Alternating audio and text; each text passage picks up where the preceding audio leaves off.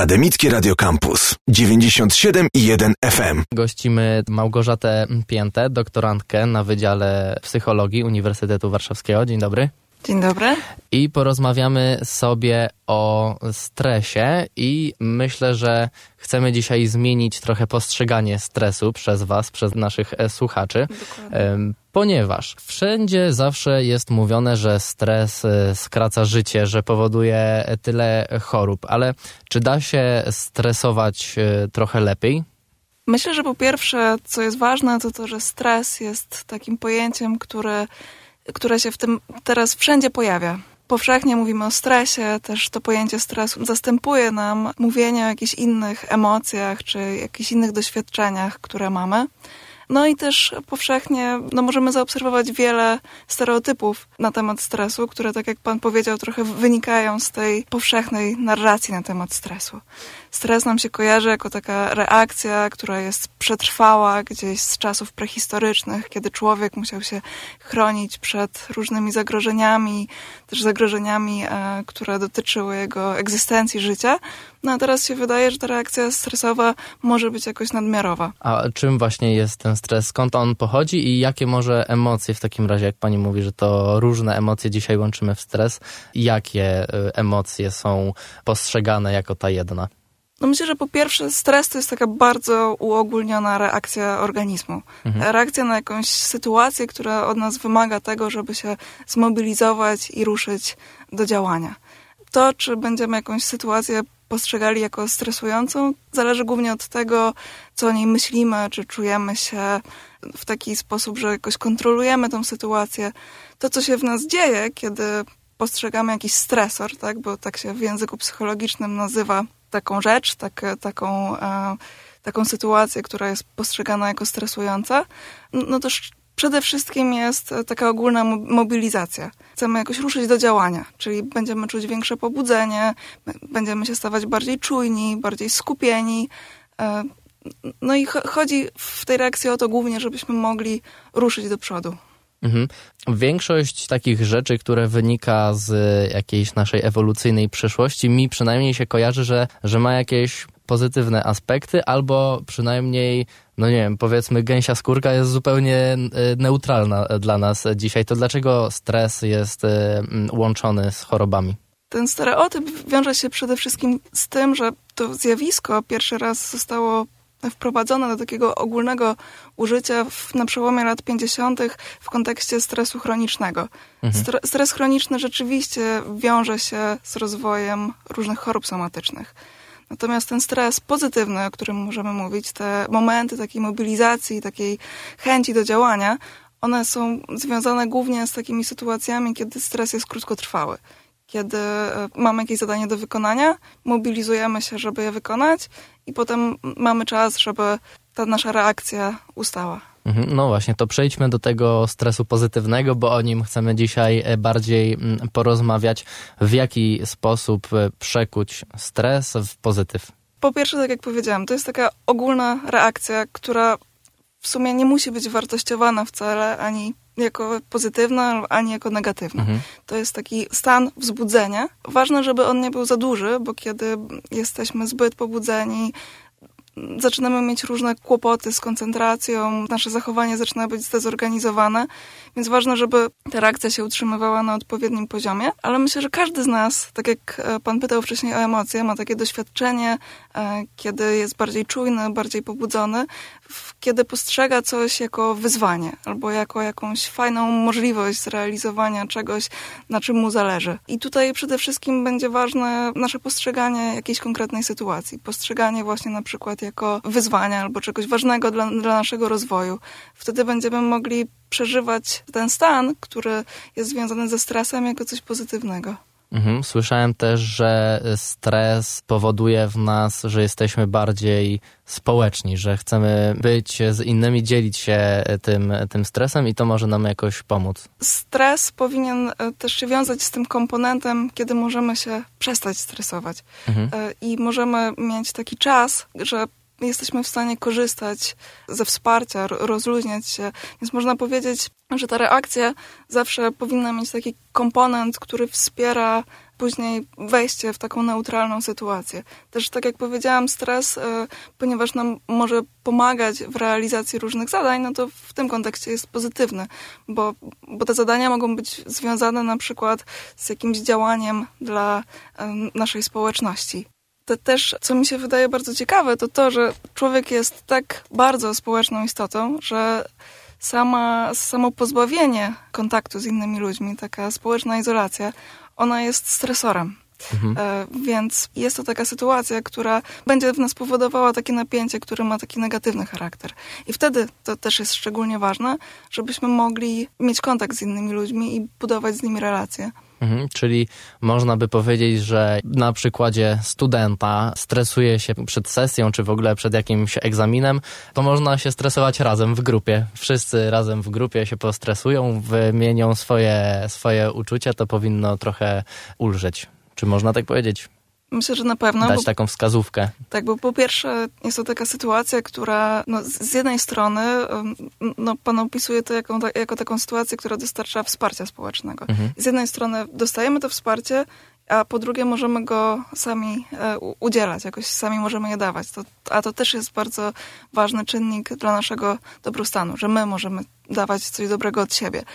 A poza tym sobie myślę, że kiedy studiujemy coś, co dla nas jest ważne, albo doświadczamy takiej sytuacji, gdzie mamy z naszą grupą znajomych jakiś wspólny cel, e, no to jest e, to przeżywane jako nasz własny wybór. To nie jest jakaś tragedia, która na nas spada, jakiś e, kierunek studiów, którego sami nie wybraliśmy, tylko robimy coś razem mhm. i no, to ma taki pozytywny charakter też, jak rozumiemy tą sytuację. Nie będę ukrywał, że do tej rozmowy zainspirowało mnie obejrzenie TEDxa z 2013 roku. Tam pani Kelly McGonigal, czyli psycholożka e, zdrowia, właśnie przedstawiała różne badania nad tym, w jaki sposób zneutralizować te mm, negatywne aspekty stresu. Przedstawiła na przykład takie badania, które e, trwały 8 lat, śledziły 30 tysięcy dorosłych osób w USA zapytano ich, e, ile stresu doświadczyły w zeszłym roku i osoby, które powiedziały, że dużo stresu e, w zeszłym roku e, doświadczyły, wyliczono, że ich ryzyko śmierci, potem ile osób zmarło w trakcie tych badań, wyliczono, że ryzyko śmierci u takich osób wzrosło aż o 43% ale e, badanie pokazuje, że ten efekt zaobserwowano tylko i wyłącznie u osób, e, które postrzegały ten stres jako właśnie coś złego, a osoby, które stres e, był dla nich pozytywny, czy chociażby neutralny, w ogóle u nich tego wzrostu ryzyka śmierci nie zaobserwowano. Czyli można by powiedzieć, że to jak stres na nas działa, to tylko i wyłącznie zasługa tego, w jaki sposób my ten stres postrzegamy? Oczywiście, tak jak e, w każdym temacie, e, który jest obszarem badań psychologii, są pewne wyjątki, mhm. ale rzeczywiście tak jest, że nasze poczucie sprawstwa, poczucie kontroli, czyli właśnie jak postrzegamy tą sytuację stresową, jest kluczowe. I to jest taki efekt, który istnieje nie tylko jako wynik badań nad tym, jak zachowują się ludzie, ale też zwierzęta kiedy postrzegamy sytuację stresową, tak, sytuację, która jest jakimś wyzwaniem, jako nasz własny wybór, jako coś przyjemnego, e, coś, co chcemy po prostu sami zrealizować, nasz e, mózg, nasze, ale też nasze całe ciało inaczej na tą sytuację reaguje. E, I rzeczywiście w sytuacji, kiedy jakoś czujemy się przymuszeni do wykonywania pewnych działań, które są wymagające, ale nie mają dla nas sensu, czujemy się tacy uwięzieni w tych sytuacjach, będziemy produkować różne negatywne konsekwencje dla naszego zdrowia.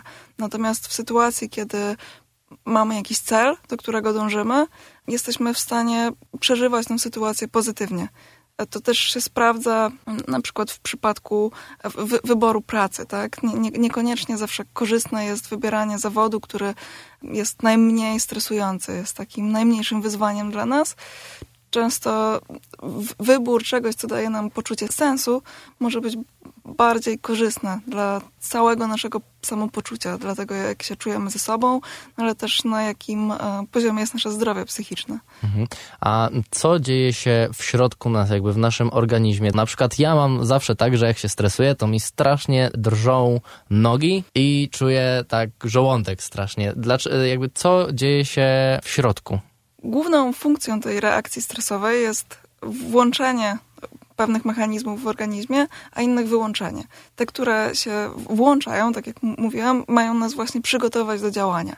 Czyli ustają takie funkcje, które możemy określić jako niepotrzebne, kiedy chcemy właśnie być zmobilizowani, iść mhm. do przodu, działać.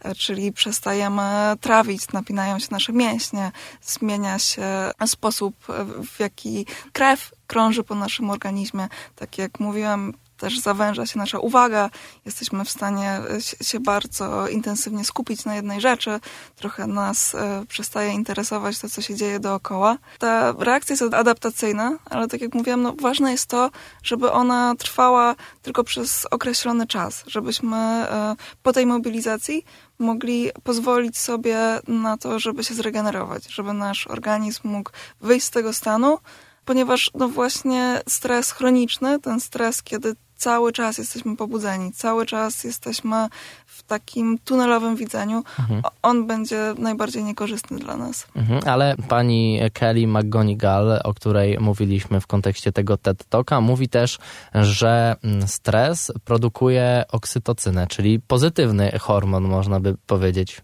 Tak, ja nie jestem specjalistką od neuropsychologii, ale rzeczywiście komponentem reakcji stresowej jest też działanie organizmu, które ma na celu właśnie wyjście z tej reakcji, regenerację naszego organizmu.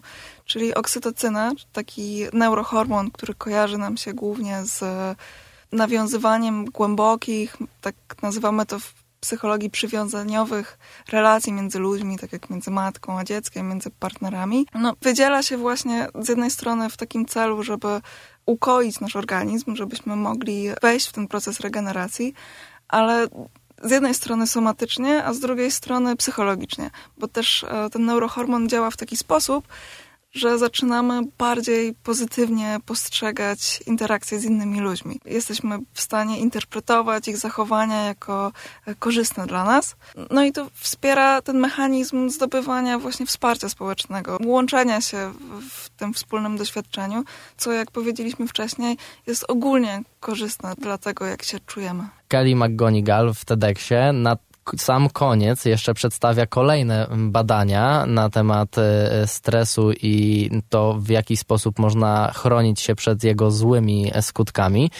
Te drugie badania mówią o tym, że znów zapytano Amerykanów, ile stresu doświadczali, ale także, czy podczas tego roku, tego okresu, kiedy ich badamy, opiekowali się kimś, sprawowali nad, nad kimś opiekę, bardzo się troszczyli nad drugą osobą. I znowu badania pokazują, o których mówi McGonigal w swoim TEDxie, że osoby, które troszczyły się o innych, znowu w ogóle nie zaobserwowano u nich wzrostu tego ryzyka śmierci wyliczonego w jakiś sposób, e, ile osób z tych badanych zmarło. I czy to jest jakaś może taka naturalna ochrona dla nas, że natura daje nam ten stres, który może powodować złe skutki, ale wymyśliła jakiś sposób, w którym my możemy uniknąć tego.